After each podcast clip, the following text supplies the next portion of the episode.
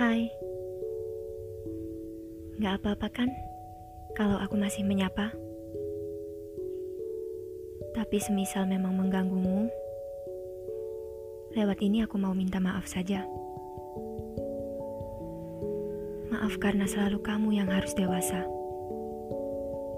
Juga soal aku yang banyak sekali kurangnya. Maaf ya, selama ini lebih sering kasih kecewa.